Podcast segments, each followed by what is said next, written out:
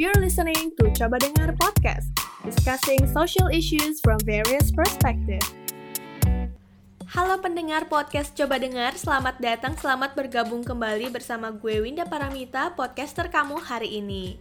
Welcome back di part 2 episode kesetaraan gender. Kali ini gue balik dengan bahasan di perspektif yang berbeda dari part 1 kalau sebelumnya kita cerita-cerita bersama Kaktika yang merupakan seorang pekerja media, kali ini kita akan membahas topik ini dari perspektif seorang aktivis slash wakil ketua Komnas Perempuan. Sebelum gue menjelaskan lebih lanjut mengenai isu ini, seperti biasa gue berharap di mana pun lo berada, lo selalu mengikuti protokol kesehatan dan stay safe and stay healthy.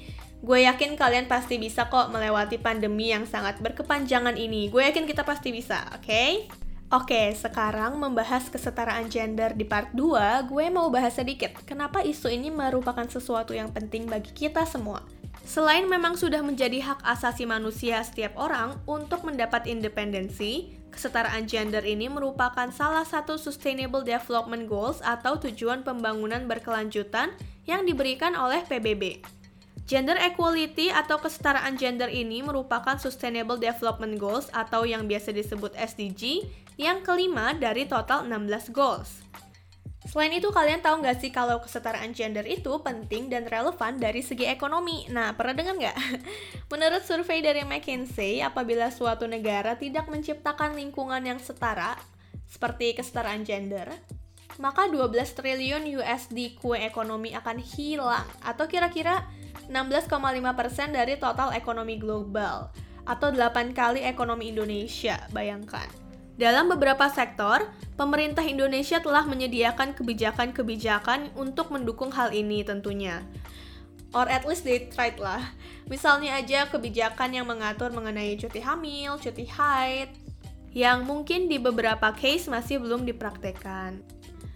Stigma juga terkadang muncul dari lingkaran terdekat kita juga, misalnya ada nggak sih, ada nggak sih keluarga kamu yang pernah bilang, Jangan pulang malam-malam atau cewek itu harus bisa masak, harus bisa rapihin rumah. Bahasan kodrat, percaya atau enggak, merupakan salah satu pembahasan penelitian. Jadi ada penelitian yang ngebahas kodrat ini. Penelitian ini dibuat oleh Sari Andajani dari Auckland University of Technology bersama Olivia Hadiwirawan dan Yasinta Astin Sokang dari Universitas Krida Wacana. Penelitian ini menggarisbawahi semua partisipannya mengakui pentingnya kodrat perempuan. Seorang calon pemimpin harus mengikuti kodratnya sebagai ibu yang peduli dan mengasuh. Mereka tuh diharapkan jadi lembut, jadi peduli, pengertian, melayani, dan mengayomi keluarganya.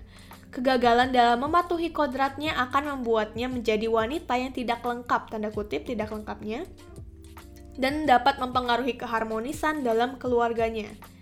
Data Komnas Perempuan pada Catahu 2020 tentang kasus kekerasan terhadap perempuan di tahun 2019 juga menunjukkan angka yang cukup tinggi dibandingkan tahun-tahun sebelumnya, yaitu sebanyak 431.471 kasus. Dalam kurun waktu 12 tahun, kekerasan terhadap perempuan meningkat sebanyak 792% atau hampir 800%. Artinya, kekerasan terhadap perempuan di Indonesia selama 12 tahun itu meningkat hampir 8 kali lipat. Untuk data Komnas Perempuan uh, untuk yang tahun 2020 ada sebanyak 299.911 kasus. Tapi angka ini tuh nggak bisa dijadikan pedoman karena ada kondisi COVID-19 yang membuat proses dokumentasi tidak maksimal. Jadi lembar formulir yang disebarkan tidak sebanding dengan yang diterima, maksudnya gitu. Adanya penelitian dan laporan-laporan mengenai isu perempuan dan gender membuktikan bahwa masih ada banyak PR yang harus dibenahi di Indonesia. Untuk itu, pembahasan mengenai gender equality issue ini akan kita bedah melalui perspektif organisasi pendukung perempuan yaitu Komnas Perempuan. Saat ini tentunya gue nggak sendirian, gue udah bareng Ibu Mariana Amiruddin. Ibu Mariana ini sudah aktif di bidang hak-hak perempuan dan kesetaraan gender, sejak ia ada di bangku sekolah. Bu Mariana dikenal atas tulisan-tulisannya, salah satunya buku Perempuan Menolak Tabu. Ada juga Kesehatan dan Hak Reproduksi Perempuan yang ditulisnya bersama Ibu Gadis Arifia Effendi, pendiri Jurnal Perempuan. Seperti yang udah gue jelasin sebelumnya, Ibu Mariana ini aktivis. Ia juga sempat aktif di jurnal perempuan. Sekarang, ia menjabat sebagai Wakil Ketua Komnas Perempuan. Halo Ibu Mariana, apa kabar? Halo, kabar baik, terima kasih. Aku akan mulai dengan tanya-tanya mengenai apa sih gender equality itu. Sepenting apa sih gender equality ya? Kesetaraan gender. Gender equality atau kesetaraan gender itu penting sekali karena dia yang bisa hmm, salah satunya menghentikan terjadinya uh, kekerasan terhadap perempuan karena biasanya kekerasan terhadap perempuan itu diawali dari adanya ketimpangan gender antara laki-laki dan perempuan uh, karena budaya patriarki yang uh, terlalu mengakar di apa dalam kehidupan kita. Nah, hmm, di mana-mana memang ketimpangan itu kan pasti menimbulkan ketidakadilan ya, tidak harus soal gender pun ketimpangan itu menjadi masalah serius uh, dalam kehidupan kita, ekonomi dan lain sebagainya misalnya. Jadi Kenapa penting? Karena itu akar dari sebab-sebab kita mengalami kekerasan sebagai perempuan. Kalau setara atau equal itu menjamin bahwa setiap orang memperlakukan orang lain lebih uh, respect dan bertanggung jawab gitu. Uh, equal itu prinsipnya seperti itu, kesetaraan. Apa sih pemahaman yang dibutuhin masyarakat nih yang masih lekat dengan budaya patriarkinya untuk memahami bahwa gender equality atau paling tidak persamaan hak untuk semua orang itu perlu dan layak didapatkan oleh semua orang dengan adil. Ya sebetulnya sih di undang-undang kita dan konstitusi kita hmm, prinsip itu sudah berlaku ya dan di seluruh dunia juga sejak perang dunia pertama, kedua dan krisis kemanusiaan yang lain eh, PBB juga menyepakati adanya deklarasi HAM dan kemudian uh, diadopsi juga oleh kita sebagai bangsa yang merdeka bahwa setiap orang itu punya hak. Karena uh, manusia itu dilahirkan sama. Sama tuh dalam arti bukan mirip ya bukan bentuknya sama bukan. Tapi equal. Sama itu artinya uh, kita lahir dengan kebutuhan-kebutuhan yang sama untuk hal-hal yang mendasar. Sehingga apabila hak-hak itu tidak diberikan secara sama maka tadi itu kembali ada ketimpangan, ada ketidakadilan dan itu menjadi problem utama uh, kehidupan manusia gitu. Jadi kalau ditanya kenapa ya itulah tadi alasan yang saya sampaikan. Karena kita semua itu memang punya hak untuk diperlakukan seperti itu, seperti seperti layaknya manusia gitu ya, Bu. Betul. Ibu pernah nggak sih kan, um, kalau saya tidak salah baca, Ibu itu kan sudah pernah um, memiliki pengalaman menjadi direktur eksekutif di Yayasan Jurnal Perempuan, kemudian Ibu juga aktif sekarang menjadi wakil ketua di Komnas Perempuan. Pernah nggak sih Ibu menemui case atau sebuah cerita di sepanjang karir Ibu ini mengenai kesetaraan gender ini yang nggak pernah deh bisa Ibu lupakan? Hmm, banyak yang terlupakan sih karena banyak ya saya udah 20 tahun kali ngurusin kesetaraan gender dan hak-hak perempuan ya. Uh, yang tidak bisa dilupakan sebetulnya lebih positif sih. Uh, sekarang saya merasakan banyak anak-anak muda perempuan, bahkan laki-laki ya, yang mulai menganggap uh, isu ini penting sekali untuk diangkat, terutama sejak sosial media marak ya di di kehidupan di dunia inilah intinya di zaman baru ini gitu. Buat saya zaman baru itu uh, saya saya jadi uh, merasa merasa kerja kerja saya itu nggak sia-sia gitu loh. Karena uh, dia bisa bertransformasi pada akhirnya di generasi yang baru generasi berikutnya. Uh, mungkin itu yang bisa saya ingat karena kalau hal-hal yang sifatnya masalah itu memang pekerjaan saya jadi nggak terlalu ingat. Mungkin itu aja. Uh, uh. ibu uh, pertama kali terjun di uh, masalah isu wanita ya itu tuh seperti apa ceritanya dan bagaimana ibu menuangkan passion ibu ini gitu? Apakah dari menulis atau dari apa gitu? Iya awalnya tuh saya kan menyaksikan langsung ya sejak kecil terutama SMP lah di mana teman-teman saya itu mengalami pelecehan seksual. Apakah di kelas oleh guru gitu ya. Terus uh, pada saat naik bis gitu oleh kondektur dicolek di apa. Pokoknya banyak sekali deh oleh teman kelas tuh saya lihat. Ini kayaknya nggak bener deh kok bisa sih perempuan digituin? Kebetulan bukan saya yang digituin karena mungkin saya tomboy dulu ya jadi nggak ada yang berani sama saya untuk macam-macam dan saya tuh waktu SMP SM SMP deh terutama itu sampai bikin geng bikin peer group itu untuk kalau dulu tuh istilahnya menggencet anak-anak adik-adik kelas yang melecehkan teman-teman sekelasnya gitu. Hmm. jadi pada saat keluar kelas itu kita hadang gitu. Kamu tadi ngapain? Gitu. Terus ya ya intinya udah ada spirit buat memobilisasi teman-teman di sekolah hmm, untuk menyatakan bahwa itu nggak boleh. Hmm. Itu nggak adil gitu terhadap perempuan. Terus pas kuliah terjadi juga tuh ada dosen kewiraan waktu itu uh, suka melecehkan kata-katanya di kelas tentang perempuan gitu. Dan lama-lama teman-teman perempuan di kelas ini makin nggak nyaman kan. Terus kita bikin petisi deh untuk mengeluarkan si dosen itu karena pernyataannya. Uh, ternyata itu bisa gitu. Hmm. dan teman-teman cowok pada bingung. Karena kita semua walk out dari kelas. Hmm. nah itu pengalaman saya sampai akhirnya lu banyak deh. Sampai akhirnya saya baca buku-buku uh, feminis ya. Dulu saya nggak tahu apa itu feminis. Justru saya tuh kenal feminis dari uh, tokoh Islam perempuan dari Mesir. Dia baru saja meninggal dunia beberapa hari yang lalu namanya Nawal El Sadawi.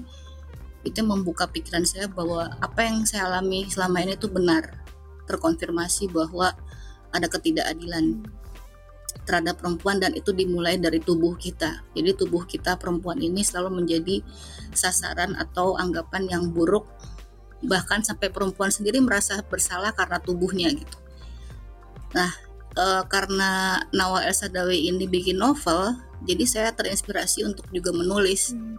Kebetulan saya suka menulis diary sejak kecil, jadi saya anggap salah satu cara untuk memulihkan, mengekspresikan pendapat saya, pikiran saya, dan itu membebaskan. Hmm. Itu bentuk, itu betul. Sejak itu saya masuk jurnal perempuan, menerbitkan buku, menulis cerpen. Ya udah, sampai sekarang gitu dan beberapa teori feminis menyatakan betul bahwa perempuan itu cara terbaik untuk mengeluarkan uh, isi hatinya karena budaya patriarki yang tidak mengakomodasi suara-suara kita ini adalah dengan menulis minimal nulis menulis diary gitu itu sih hmm. panjang ya nggak apa-apa bu kalau panjang banget juga nggak apa-apa uh, gitu ceritanya. Uh, ibu kan hmm, berarti ketika ibu SMP dan kuliah itu kira-kira uh, tahun berapa tuh bu? SMP itu, aduh lupa sih. Masa 45 nih tahun ini. Wah, berapa ya? Kalau kuliah 90-an lah, 94 gitu. Hmm.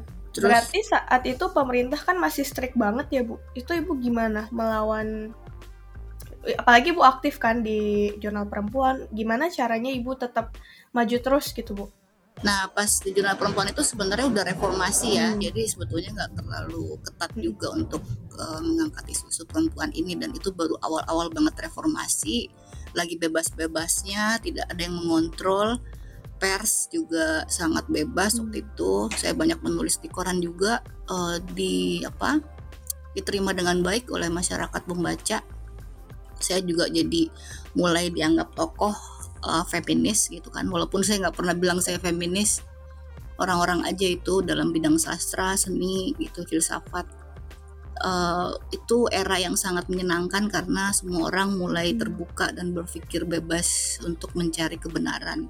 Dan dalam hal ini kebenaran tentang uh, perempuan dan hak-haknya.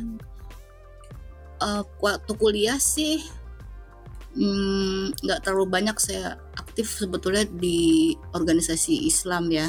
Sejak SMA juga. Saya tuh sempet aduh boleh nggak ini saya ngomongnya? Saya tuh sempat ikutin gerakan Islam radikal lah gitu. Waktu SMA sampai kuliah awal itu uh, karena jiwa untuk mencari kebenaran tuh luar biasa. Uh, memprovokasi saya kan. Saya melihat dunia ini nggak adil lah gitu gitu. Namanya juga anak muda ya dulu. Tapi setelah itu ya itu baca Nawal El Sadawi itu saya langsung mengganti semua pikiran-pikiran saya. Sempat juga memakai pakaian yang simbol agama begitu karena saya pikir itu bisa me, apa bisa membuat laki-laki tidak akan melecehkan saya. Karena saya menutup semua tubuh saya. Ternyata itu salah. Ketika saya menunggu bis pulang kuliah, kebetulan malam hari karena saya kuliah malam, itu saya mengalami pelecehan oleh segerombolan laki-laki yang lewat melintas waktu itu. Terus saya marah, saya ya sempat berkelahi secara fisik. Udah kayak apaan nih pokoknya. Terus saya marah sekali, terus uh, dijemput kakak laki-laki saya, malah kakak laki-laki saya bilang gini, makanya perempuan jangan pulang malam nah salah lagi kan kita gitu itu aduh nggak terima nggak bisa nih kayak gini. Ya itu terus saya ditemukan novel dari kakak perempuan saya yang kebetulan punya koleksi buku ya novel Dewi itu.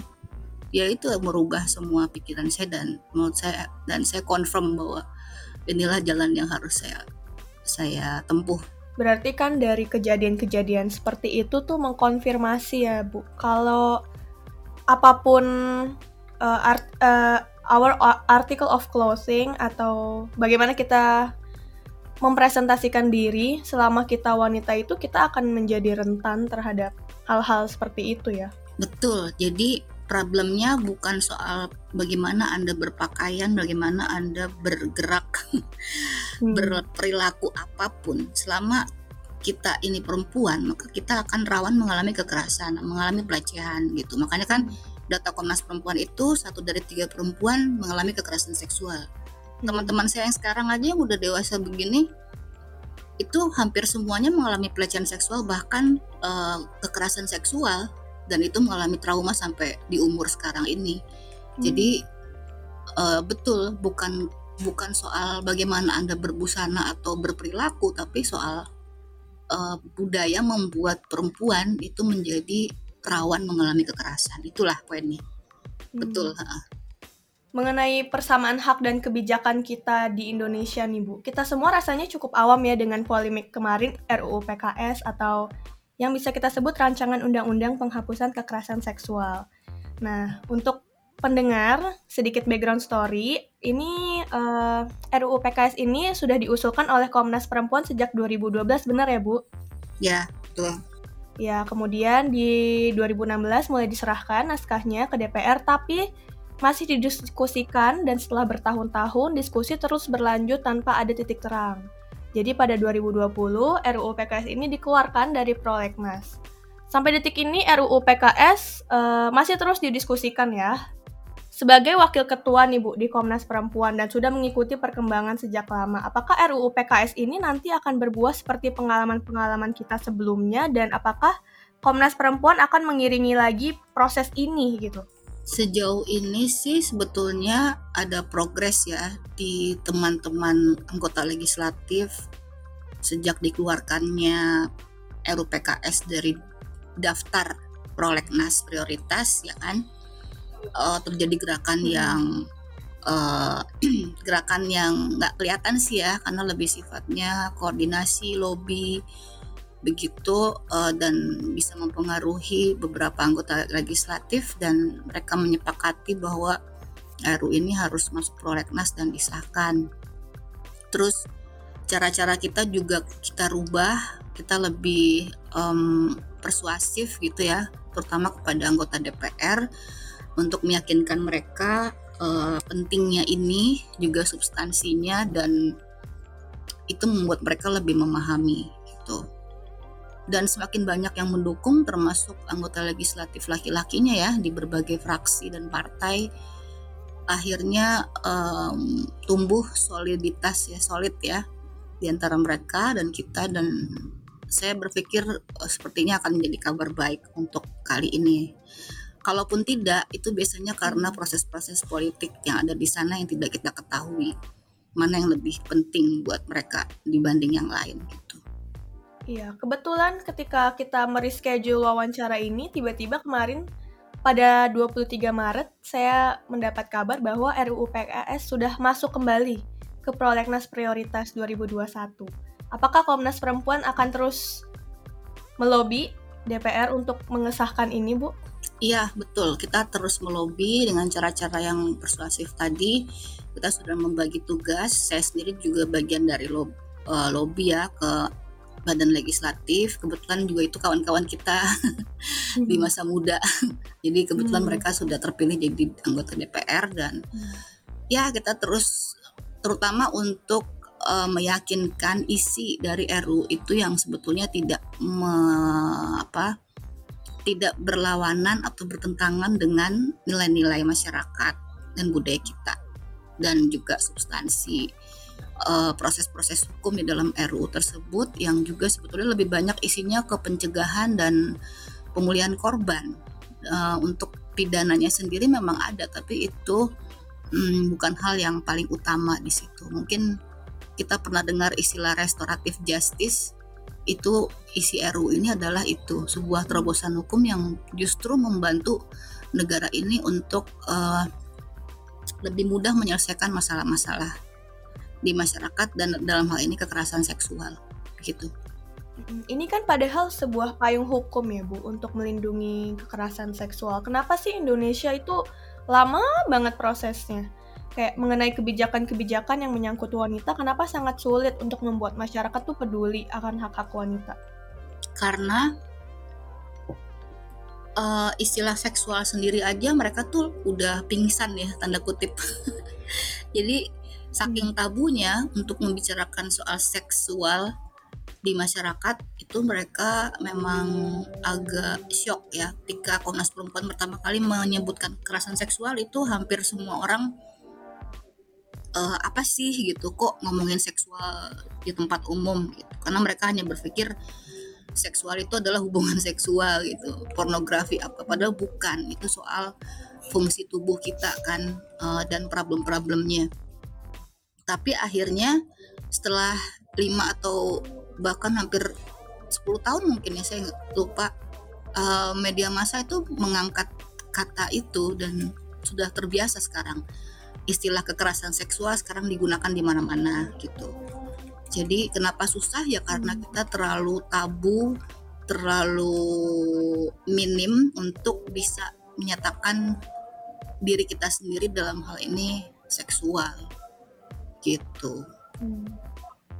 Nah, kita kan dari tadi udah bahas yang cukup berat nih mengenai hmm, peraturan-peraturan dan kebijakan-kebijakan pemerintah yang mana sejujurnya saya itu baru tahu Bu kalau uh, saat uh, protes UU Ciptaker dan RUU PKS bahwa wanita itu diperkenankan memiliki cuti haid dan cuti hamil yang masih digaji gitu. Itu saya benar-benar baru tahu kalau cuti haid itu bisa digaji gitu. Nah, hal ini kan menandakan ya paling tidak dari gambaran saya dan lingkungan saya sendiri bahwa mungkin aja masyarakat awam juga nggak tahu kalau hal-hal seperti itu adalah hak mereka Nah, ketika isu-isu ini mencuat mengenai perempuan, banyak teman-teman pendengar yang sudah kita tanyakan di media sosial mengenai stigma masyarakat mengenai gender.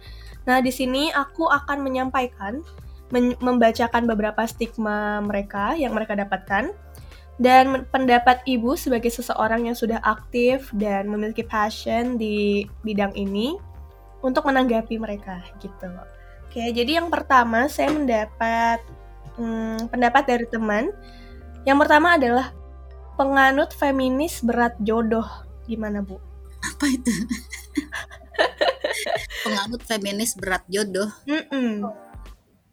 Oh, maksudnya penganut penganut feminis itu susah jodoh ya? Gimana sih? Iya, betul. Oh, gitu. uh, nggak juga sih. Banyak yang udah menikah, banyak yang uh, punya relationship banyak juga yang lajang. Jadi sebenarnya feminis itu sama-sama sama dengan orang-orang umumnya kok gitu. Hmm, uh, mungkin laki-lakinya merasa yang budaya patriarkinya lekat mungkin jadi tidak sepaham dengan wanita itu kali ya bu? Jadi takut ya. Iya jadi takut dia. ya karena emang feminis kan di di stigma uh, membenci laki-laki. Padahal kan bukan tapi kita me, mendekonstruksi budaya patriarki yang membuat perempuan itu menjadi tertindas dan itu tidak selalu laki-laki, perempuan juga banyak gitu. Susah memang menjelaskan ini kan konsep ya. Jadi ya stigma itu memang sering keluar. Tapi kenyataannya sih uh, para feminis itu justru mendapatkan laki-laki yang humanis uh, hmm. pasangan-pasangan mereka ya kan relationship mereka karena feminis biasanya dia bisa menyat, uh, memutuskan untuk tidak berelasi dengan orang-orang yang seperti itu gitu. jadi tidak nggak ada hubungannya ya bu antara feminis sama berat jodoh Enggak, malah banyak fansnya kok. Aduh. Yang kedua nih Bu, cewek yang wanita, wanita yang memiliki pendidikan S2, S3 itu susah cari suami atau nggak akan nikah. S2, S3 susah. Enggak tuh, kakak saya S2 udah nikah malah. Hmm. hmm enggak juga sih uh, nggak relevan nggak relevan juga kalaupun ada kejadian kan jadi disorot ya banyak hmm. juga yang nggak sekolah juga nggak punya jodoh iya hmm, nggak hmm, ada urusan sih sebetulnya yang terakhir nih uh, cuit uh, bukan cuitan sih seperti kata-kata ini tuh saya juga sering dengar di beberapa artikel. Cuti haid itu lebay katanya. Yang ngomong uh, haid nggak? Wajar karena nggak pernah ngerasain gimana rasanya menstruasi. Oh. itu tanda orang yang tidak belajar tentang kesehatan reproduksi. Dan itu adalah ilmu yang sangat penting dipahami oleh manusia.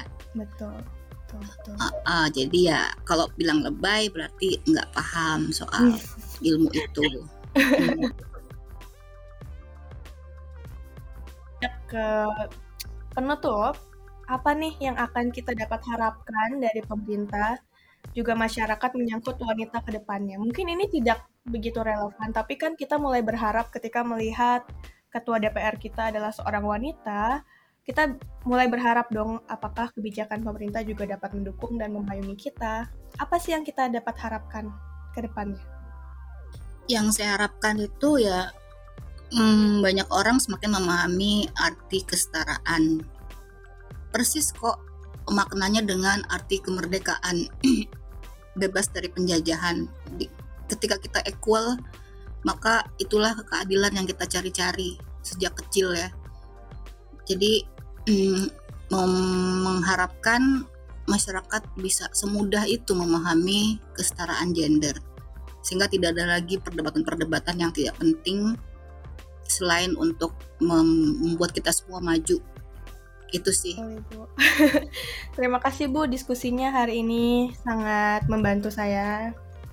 Sama-sama. Terima kasih banyak Ibu. Terima kasih. Sama-sama. Untuk para pendengar, itu dia perspektif kesetaraan gender dari Ibu Mariana Amiruddin selaku Wakil Ketua Komnas Perempuan. Hari ini kita mendapat wawasan baru mengenai kesetaraan gender ya, teman-teman. Kesetaraan gender itu diperjuangkan terus kok mulai dari zaman Ibu Mariana hingga sekarang. Undang-undang untuk melindungi korban kekerasan seksual pun masih diperjuangkan. Kenapa diperjuangkan? Karena hingga kini belum disahkan payung hukum bagi korban kekerasan seksual yang mayoritas adalah perempuan. Menurut perbincangan kita hari ini, bukan masalah permasalahan berbusana atau tingkah laku kita sebagai perempuan, menjadi perempuan saja sudah menempatkan kita di posisi yang rawan terhadap kekerasan seksual. Komnas Perempuan yang mengusahakan RUU PKS ini pun akan terus mengiringi proses yang diharapkan segera menemui titik terang. Sebagai masyarakat, tentunya kita dapat menjalani peran sebagai pengiring kebijakan yang akan dibuat oleh pemerintah ya. Selain sebagai pengiring kebijakan, tentu kita juga harus paham bahwa tujuan kesetaraan gender ini supaya wanita tuh dapat hak-hak sama kesempatan yang sama dengan yang dimiliki oleh laki-laki itu enggak maksudnya tuh enggak semua harus sama gitu apa yang didapatkan laki-laki harus didapatkan wanita itu enggak gitu gitu dan ingat sebelum melihat gender lihatlah pencapaian seseorang terlebih dahulu itu adalah salah satu cara untuk menghormati kerja keras seseorang untuk sampai di titik dia sekarang. Terima kasih para pendengar podcast Coba Dengar yang sudah mendengarkan hingga di akhir podcast. Jangan lupa untuk follow Instagram at podcast Coba Dengar untuk tetap update mengenai podcast Coba Dengar. Gue Winda Paramita, sincerely thank you for listening to our podcast. Nantikan episode selanjutnya yang tidak kalah menarik. Sampai jumpa.